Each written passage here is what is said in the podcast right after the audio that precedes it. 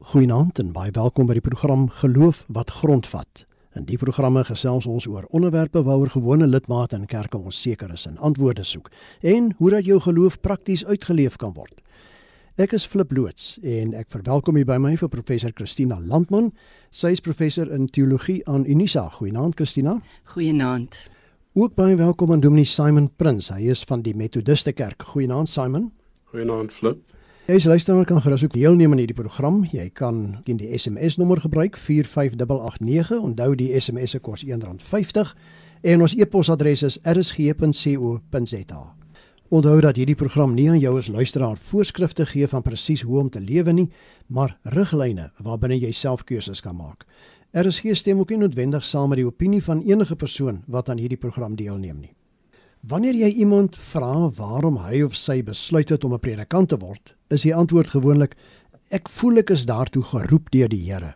Maar wat behels die predikantskap? Wat is die uitdagings en meer nog, wat is die verwagtinge wat lidmate van 'n kerk van hulle dominee, pastoor of leraar koester? In geloof wat grondvat, gesels ons vanaand hieroor. Christina, hoe beleef jy as vroue leraar die verwagtinge wat jou lidmate van jou het? Flip aan die een kant sal ek wil sê ek dink vroue dominees wil nie eintlik meer vroue dominees genoem word nie. Miskien net leraars in die algemeen omdat hulle nou van die kantlyn na die hoofspel inbeweeg het. Maar aan die ander kant, ek dink daar word tog maar 'n bietjie meer van jou as 'n vroue dominee verwag as wat van 'n man verwag word. Of ander dinge soos byvoorbeeld dat jy sal kook vir die bazaar en dat jy 'n baba sal vang as jy moet wat die man dominee nou nie sou doen nie. Wat in ons kerk en ek is in die VGK ook gebeur is dat ons het baie tentmakers. amper die helfte van ons dominees is tentmakers wat beteken dat jy ten volle opgelei is, maar dat jy deeltyds in 'n gemeente werk want gemeentes kan nie altyd meer 'n voltydse dominee bekostig nie. Met ander woorde, as jy dan nou 'n vrou is en jy het 'n gesin en jy's 'n deeltydse dominee en jy het nog 'n voltydse werk, dan word dit nogal baie, moet ek sê, waarmee jy moet te doen kry. Jy het nou so verwys na 'n dominee wat 'n baba moet vang. Nou ek weet nie Simon of ek en jy in daardie kategorie gaan inpas nie, maar daar is bepaalde verwagtinge Christina van 'n gemeente dominee of dit nou 'n vroue leraar of 'n manlike leraar is. Tot watter mate sou jy sê is die verwagtinge wat daarvan 'n dominee of 'n pastoor of 'n leraar gekoester word realisties en waar kom die verwagtinge vandaan? Ek het gevind toe ek 'n dominee geword het dat ek nie regtig al die vaardighede geleer is om 'n dominee te wees nie. Niemand het my geleer hoe om 'n kerk te bou en hoe om mense wat sê maar HIV positief is of mense wat siek is werklik ten volle te begelei in 'n gemeenskap waar daar baie keer net 'n kerk is nie. Daar's nie 'n kliniek nie, daar's nie 'n maatskaplike werker nie. Uh, daar's net 'n kerk en uh, dan moet jy 'n uh, geweldige klomp vaardighede hê, ook finansiële vaardighede om so gemeente te bedien. Ja, daar is 'n groot verwagting van dominees, maar ek dink ook daar is 'n baie doelbewuste poging van opleidingssentrums om dominees en pastore so op te lei dat hulle oor 'n verskeidenheid van vaardighede beskik, veral wanneer hulle in baie arm of behoeftige gemeentes moet werk. Maar wat gebeur wanneer jy as leraar nie aan die gemeente se verwagtinge voldoen nie? Wat ons kerk betref, 'n uh, mens kan van die dominee ontslaa raak om dit net maar so te sê. Dis 'n baie pynlike proses van bande losmaak. En as die dominee nie sy of haar plig doen nie, die ring kan dan bande losmaak met daai dominee. Dit beteken nie sy status word afgeneem nie. Net die algemene synode kan 'n dominee se status afneem. Dis nou wat ons kerk betref. Maar ja, ons het 'n soort van 'n in Engels nou 'n performance agreement wat die kerkraad elke jaar invul. Die dominee vul dit in en die kerkraad vul dit in en dan kyk hulle op grond daarvan hoe tevrede hulle met mekaar is. Nou, die dominee kan hom daaraan steur of hy kan hom nie daaraan steur nie. Ek sou regtig sê dat die dominee tog wel hom moet steur daaraan wat die kerkraad van hom dink. Kom ons hoor 'n bietjie wat sê lidmate. Ek het met die mikrofoon gaan rondstap na willekeur En ek dink julle gaan nogal 'n bietjie verras wees om te hoor wat die mense sê. Kom ons luister. Mense maak van 'n aardse pastoor te veel. Die aardse pastoor word God. Ek het groot geword in 'n kerk. Daar was pastore. Ek is baie dankbaar want die woord was aan my verkondig en die Here se verlossing. Elke ou kan die Here dien en elke ou kan die Here geniet. Dis nie noodwendig dat daar nie 'n predikant is of nie. Die Here lei selfs baie mense om predikante te wees. Want in die Bybel is daar mos evangelists, shepherds. Ek het groot geword in die kerke waar daar predikante en dominees en pastore en evangeliste, maar vir my wys die skrif baie duidelik dat die mense moet deel vorm van Christendom. Die woord moet versprei word tussen die gemeentelede. En wie is die gemeentelede? Die kerk. En die kerk van Christus is die mense in die kerk. Hy stel belang in jou inner mens, daai gevoel wat jy kry in jou binneste om die evangelie te gee. Begin in jou huis, dan bring jy saam na die gemeente toe en almal deel en almal geniet wat die Here vir elke mens as 'n persoon gee. Jesus Christus is ons alles en daarom het hy vir die liggaam al die gawes gegee. Sekeres is pastore, dit is net as 'n gawe gegee en nie gegee om 'n stelsel te word nie. Maar in vandag se Christendom het dit 'n stelsel geword en dit is wat baie divisie veroorsaak en dit is wat baie afvalligheid in God se gemeente veroorsaak het. Nou is ek gelukkig om self 'n broer te wees wat elke Sondag in elke byeenkoms kan funksioneer. Nie omdat ek 'n dominee geword het nie, ek's net 'n broer, maar waarin ek ook die funksie en die porsie van Christus van al die ander ledemate ook geniet. My hart is maar net as daar iemand is wat vir iemand kan kos gee, hoekom nie?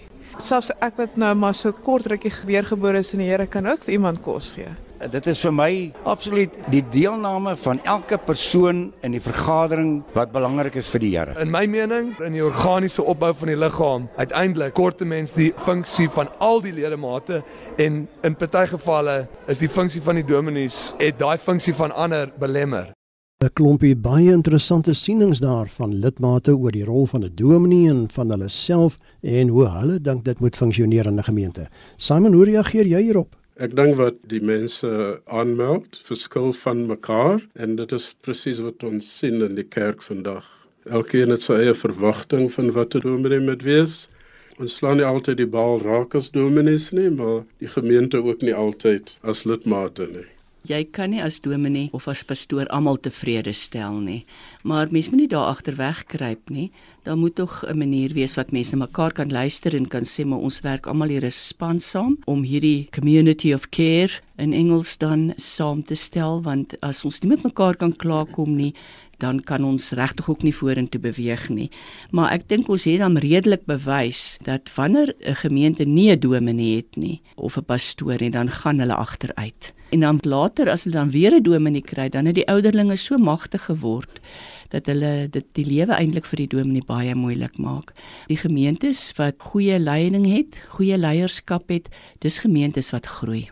Maar wat sê julle nou van die mense wat sê die dominee aan die een kant word op 'n platformpie gesit, hy word half 'n afgod gemaak, aan die ander kant kan hy dikwels probleme in 'n gemeente maak dat daar skeuringe kom.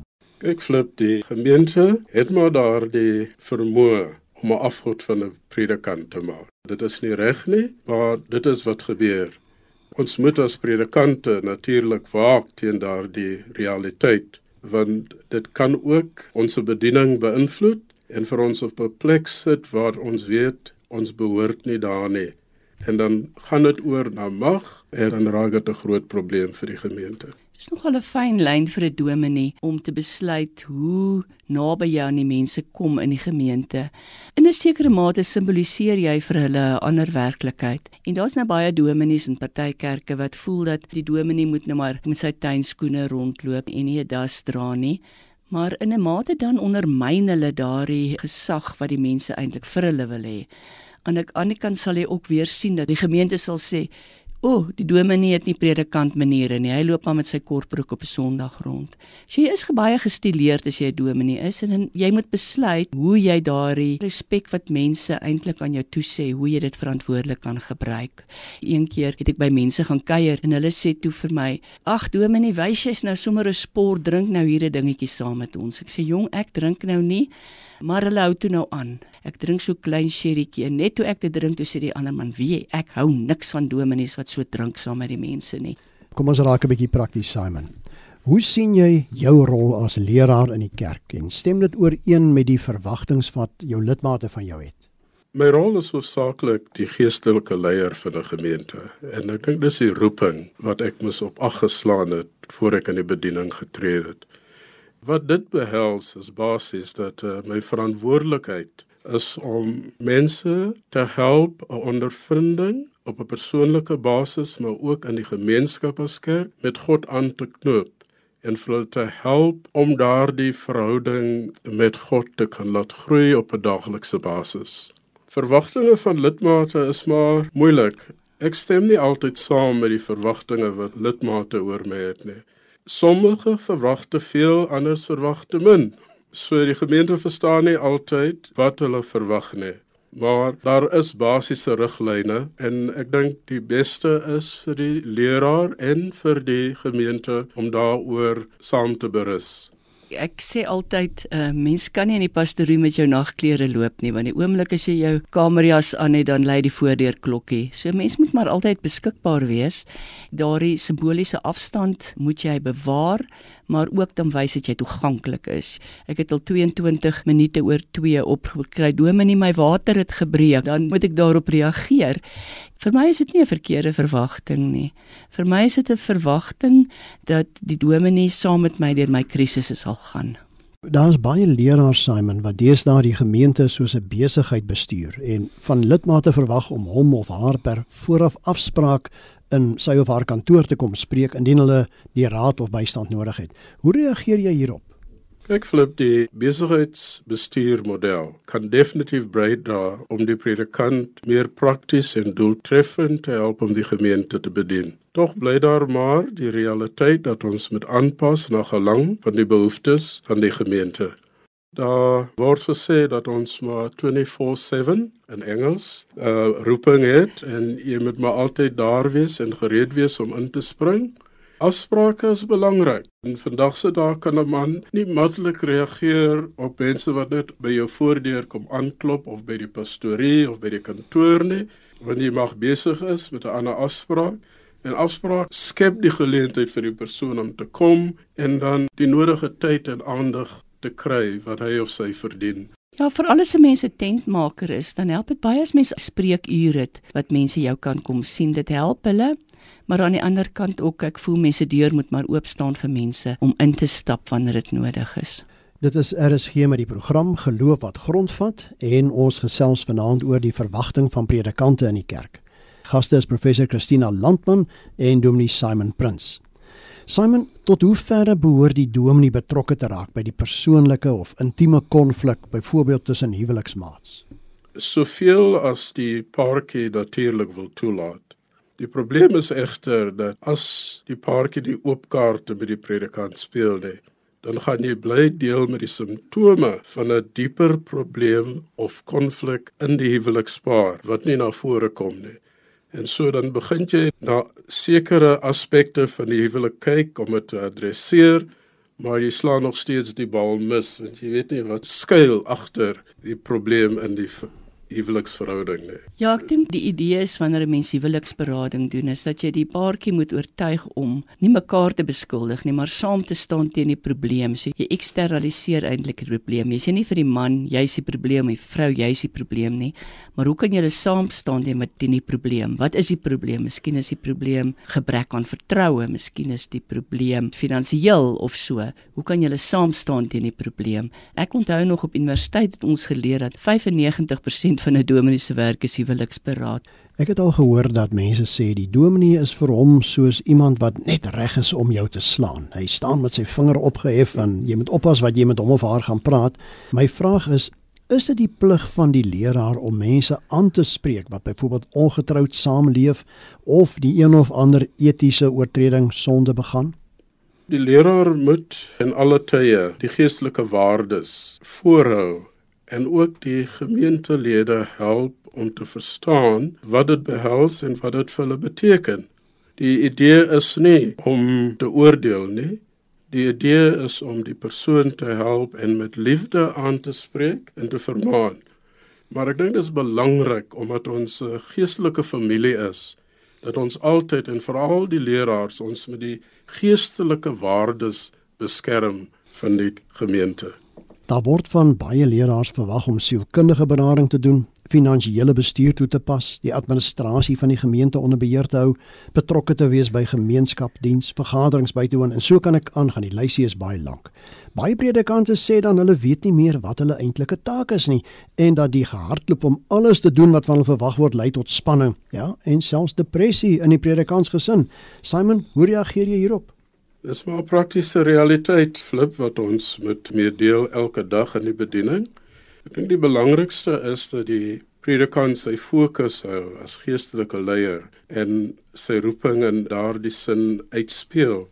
Maar dit is ook belangrik want mense verwag leierskap van die predikant en daar is nie altyd al die vaardighede wat nodig is vir die predikant om alles te doen nie.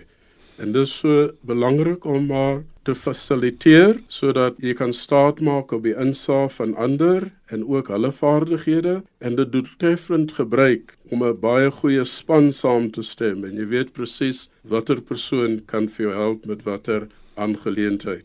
Alhoewel brand ons maar uit en depressies kom definitief na vore maar ons moet leer om baie meer ons lidmate en leierskap te betrek en die pligte te deel.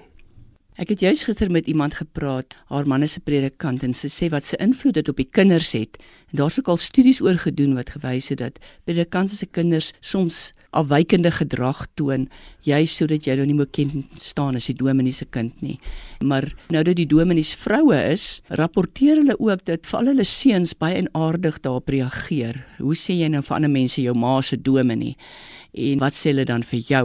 Maar omdat ons nou eerste geslag vroue dominees is, het niemand nou nog regtig daardie baie goed bestudeer. Wat is die invloed op die kinders nie? 'n Vroue dominee se man het natuurlik ook 'n pad van sy eie wat hy moet loop. Hulle weet ook dikwels nie hoe om hulle self te gedra nie, maar dit het beslis 'n geweldige invloed op jou gesin as die hele gesin betrek word. Ek hoor dominee Prins, hy praat amper so in uh, neutrale terme. Ek dink dit deur baie jare leer jy amper om nie 'n persoonlike lewe lewe te hê nie en as jy een het dan steek jy dit amper weg vir mense. Is ek reg dominee? Nee, ek stem saam, Christina. Dis baie moeilik. Ons praat altyd van die wounded healer, so dominee wat eintlik self seer gekry het of self deur 'n krisis gegaan het. Is eintlik 'n beter dominee, maar die kerkorde laat jou nie altyd toe om daai ervarings te hê nie vir die laaste klompie minute van ons program. Kom ons gesels oor 'n klompie SMS'e. Kom ons begin met die ene wat vir my nogal baie interessant is. Dit gaan oor huisbesoek. In die verlede skrywe Ina van Geduld het die leraar in ons gemeente huisbesoek gedoen, maar ek het eeue laas een in my huis gehad. Is dit nou iets wat uitgedien is of is die leraars te lui daarvoor? Simon, huisbesoek bly maar 'n probleem, maar hy's glad nie uitgedien nie. Ek dink hy het 'n baie belangrike plek in die lewe van die gemeente vir die predikant. Die verwagting is natuurlik dat die predikant aan my huis moet kom om vir my te besoek uh, as ek siek is of as daar een of ander krisis is. En ek dink as ons sê die perspektief altyd reghou. Ek het altyd vir gemeente gesê moenie dink as jy my kar voor 'n lidmaat sê sien ek kuier lekker en eet lekker nie. Dink maar net aan die feit dat ek mag besig is daar om berading te doen En uh, wie weet volgende maand is dit by jou huis wat ek met stil staan en berading doen. In die moderne tyd vind ons maar sekere leraars sukkel so 'n bietjie met huisbesoek. Hulle is baie meer tafelvas en wil alles van die kantoor af doen of van die laptop af, maar ek dink huisbesoek is glad nie uitgedien nie. Hy speel 'n baie belangrike rol vir die groei van die gemeente. Wel ek het gevind huisbesoek maak of breek 'n gemeente. As jy mense besoek, sal jy hulle Sondag beslis weer in die kerk sien. Wanneer daar siekte of dood of so krisis is, gaan ons onmiddellik om daai persoon te ondersteun en die gesin te ondersteun. Ek onthou ons het so 'n week of 2 gelede nagmaal bedien by 'n hele klomp mense wat siek was wat nie kerk toe kon kom nie by hulle huise en daai persoon is toe net daarna oorlede en dit het 'n geweldige indruk op sy gesin gemaak dat hy nog die nagmaal kon gebruik voordat hy oorlede is. Hier's 'n baie interessante SMS van Franswa. Hy sê ons dominee preek my in die slaap. Hoe kon hy gekeur word om 'n predikant te word as hy nie kan kommunikeer nie? Wel hulle vertel mos die grappie van die twee mans wat sit en gesels en die een vra vir die ander en preek jou dominee nou ook al met PowerPoint en die ander een sê ja, hy het nou power maar hy het nog steeds nie 'n punt nie. En dit is so, ek berei nogal my preke baie voor dat hulle kan kommunikeer. Jy kan nie net van mense verwag om daar te kom sit en jy draal en drentel net daaraan nie. Dis deel van jou werk om daai persoon en die interessantheid en die belang daarvan dat jy voorgee dat jy praat wat jy dink God in jou hart gelê het dat jy dit op 'n manier sal oordra wat mense sal kan na luister. Die prekens is baie belangrik en daar word normaalweg deur alle kerke goeie aande gegee aan prekens. Die konteks is maar net soms val die persoon aan die slaap omdat hy of sy moeg is, maar graag in die kerk wil wees want dit is belangrik. Of is dit regtig maar net dat die predikant 'n bietjie moeilik vind om die punt te bereik en die persoon kan ook nie die storie verstaan nie is nie bereid om bietjie oop te maak en bietjie saam met die predikant reis op die woord van die dag nie. Jy sê nou baie belangrike ding daar Simon want ek sien hier Ellie van die Noord-Kaap SMS ek verwag van 'n prediker om die Bybel, God se woord aan my te verduidelik. Nou waarom fokus baie van hulle eerder op allerlei dinge soos orkeste, voorsangers, stories en, en dan gimmicks om mense te probeer trek eerder as op stewige Bybelverkondiging en dan sê hulle soos byvoorbeeld 'n Buddy Graham. Kyk, die aanbidding in die kerk moet natuurlik gebalanseer word op verskillende vlakke en ek dink daar is plek vir alles as ons bereid is om die tyd te maak en ook om dit goed te beplan. Ons kan nie 'n normale predikant met 'n Billy Graham vergelyk nie. Die konteks is totaal verskillend. Billy Graham is 'n evangelis. Sy boodskap is definitief in daardie rigting ingestel. Vir my as 'n gemeentepredikant is my boodskap ingestel om die woord op 'n praktiese manier te bring na die gemeente in besonder met die dinge waarmee hulle daagliks moet deel. En ek moet die woord relevant maak vir hulle. Daar's daardie groot verskil tussen die twee. Die ander probleem is wat is 'n stewige Bybelboodskap? Ek het in die beginjare van my bediening baie hiermee gedoen gehad. Mense het altyd gesê jy moet tog Bybel spreek oor die algemeen kom my boodskap uit die Bybel uit. En die belangrikste is dat ons daardie boodskap moet aanvaarbaar maak vir die gemeente sodat hulle die konteks verstaan, nie net van die Bybel nie, maar ook die konteks van hoe die Bybel met hulle praat in hulle huidige omstandighede. En jy moet ook wanneer jy uit die Bybel uitpreek vir mense laat voel dat jy's lief vir hulle jy ken mos die storie van die twee dominees wat die gemeente gehad het. En as die een preek en kom niemand nie. En as die ander een preek hy het nie eers so goed gepreek soos die eerste een nie. Maar hulle het gekom want hulle het gesê kyk ons kan aanvoel hy's lief vir ons. So 'n uh, preek is helend dis innig en dit gee ook weer vir jou nuwe kennis. Dit sal ek sê so 'n goeie preek. En ons doen baie dinge daarby. Ons laat die kinders deelneem, ons laat mense verskillende maniere deelneem. Anders as in die middeleeue toe mense nie eers self gesing het of enigiets gedoen het nie. So die liturgie is iets wat ons uitwerk dat almal daaraan deelneem. Kollegas, kom ons vat saam. Simon, hoe kan die roeping van leraars en die rolverwagting van gemeentelede bymekaar gebring word? Flip ons beweeg maar baie rond in ons kerk. Jy sê vir jare by een gemeente nie. En ek het maar hierdie ding vir myself besluit dat net na die eerste maand in 'n gemeente neem ek die eerste Sondag en ek praat met die gemeente oor wat hulle van my kan verwag en wat ek van hulle kan verwag. En ek vind dit het nogal 'n baie goeie rol gespeel om te help sodat ons mekaar kan verstaan van die staanspoor af. Dit is baie belangrik dat ons kan 'n ooreenkoms bereik op sekere verwagtinge van die predikant as ook die gemeente ek dink net maar wie eers aan 'n grappie van die dominee. Die kerkraad was nie tevrede met hom omdat hy nie baie huisbesoek gedoen het nie en toe het hy vir hom 'n boot gekoop en daar op Hartbeespoortdam gaan vaar en die boot huisbesoek genoem. As die mense die kerkraad hom bel en vra waar is dan sê hy is op huisbesoek. Weet jy ek wil nie so dominee wees nie. Dis vir my lekker om saam met die mense te wees om die pad saam met hulle te stap. Al is hulle kwaad al is hulle vir my kwaad om daai pad te stap en dan voel ek het aan die verwagtinge voldoen as ek ook met hulle uit die Bybel uit kan troos, kan saamstap, vir hulle kan sê maar God se genade is groter as enige probleem wat ek of jy kan hê. En daar's nie iets wat ons al gelei het wat Jesus toe 'n mens was hier op aarde nie ook gelei het nie. As ek daardie bemagtiging met mense kan deel, dan vind ek al skiet ek in ander opsigte tekort dat ek dan daar iets bereik het wat iemand wat nie 'n dominee is nie, nie kon bereik nie. Dit dan al in vanaand se geloof wat grondvat en 'n baie groot dankie aan my twee gaste, dis professor Christina Landman en Dominee Simon Prins vir hulle bydraes. Christina, Simon, as van ons luisteraars verder met julle wil kommunikeer, hoe kan hulle dit doen? Christina Flip hulle kan gerus vir my 'n WhatsApp of 'n SMS stuur by 082 377 2574. En Simon, my nommer is 083 592 4087 en ek is oop om te luister. As dit natuurlik iets baie meer belangrik of diep is, is jy welkom om vir my 'n e-pos te stuur. sprins@wildemail.co.za. En my kontakinligting is flip by mediafocus.co.za. Tot volgende keer. Totsiens.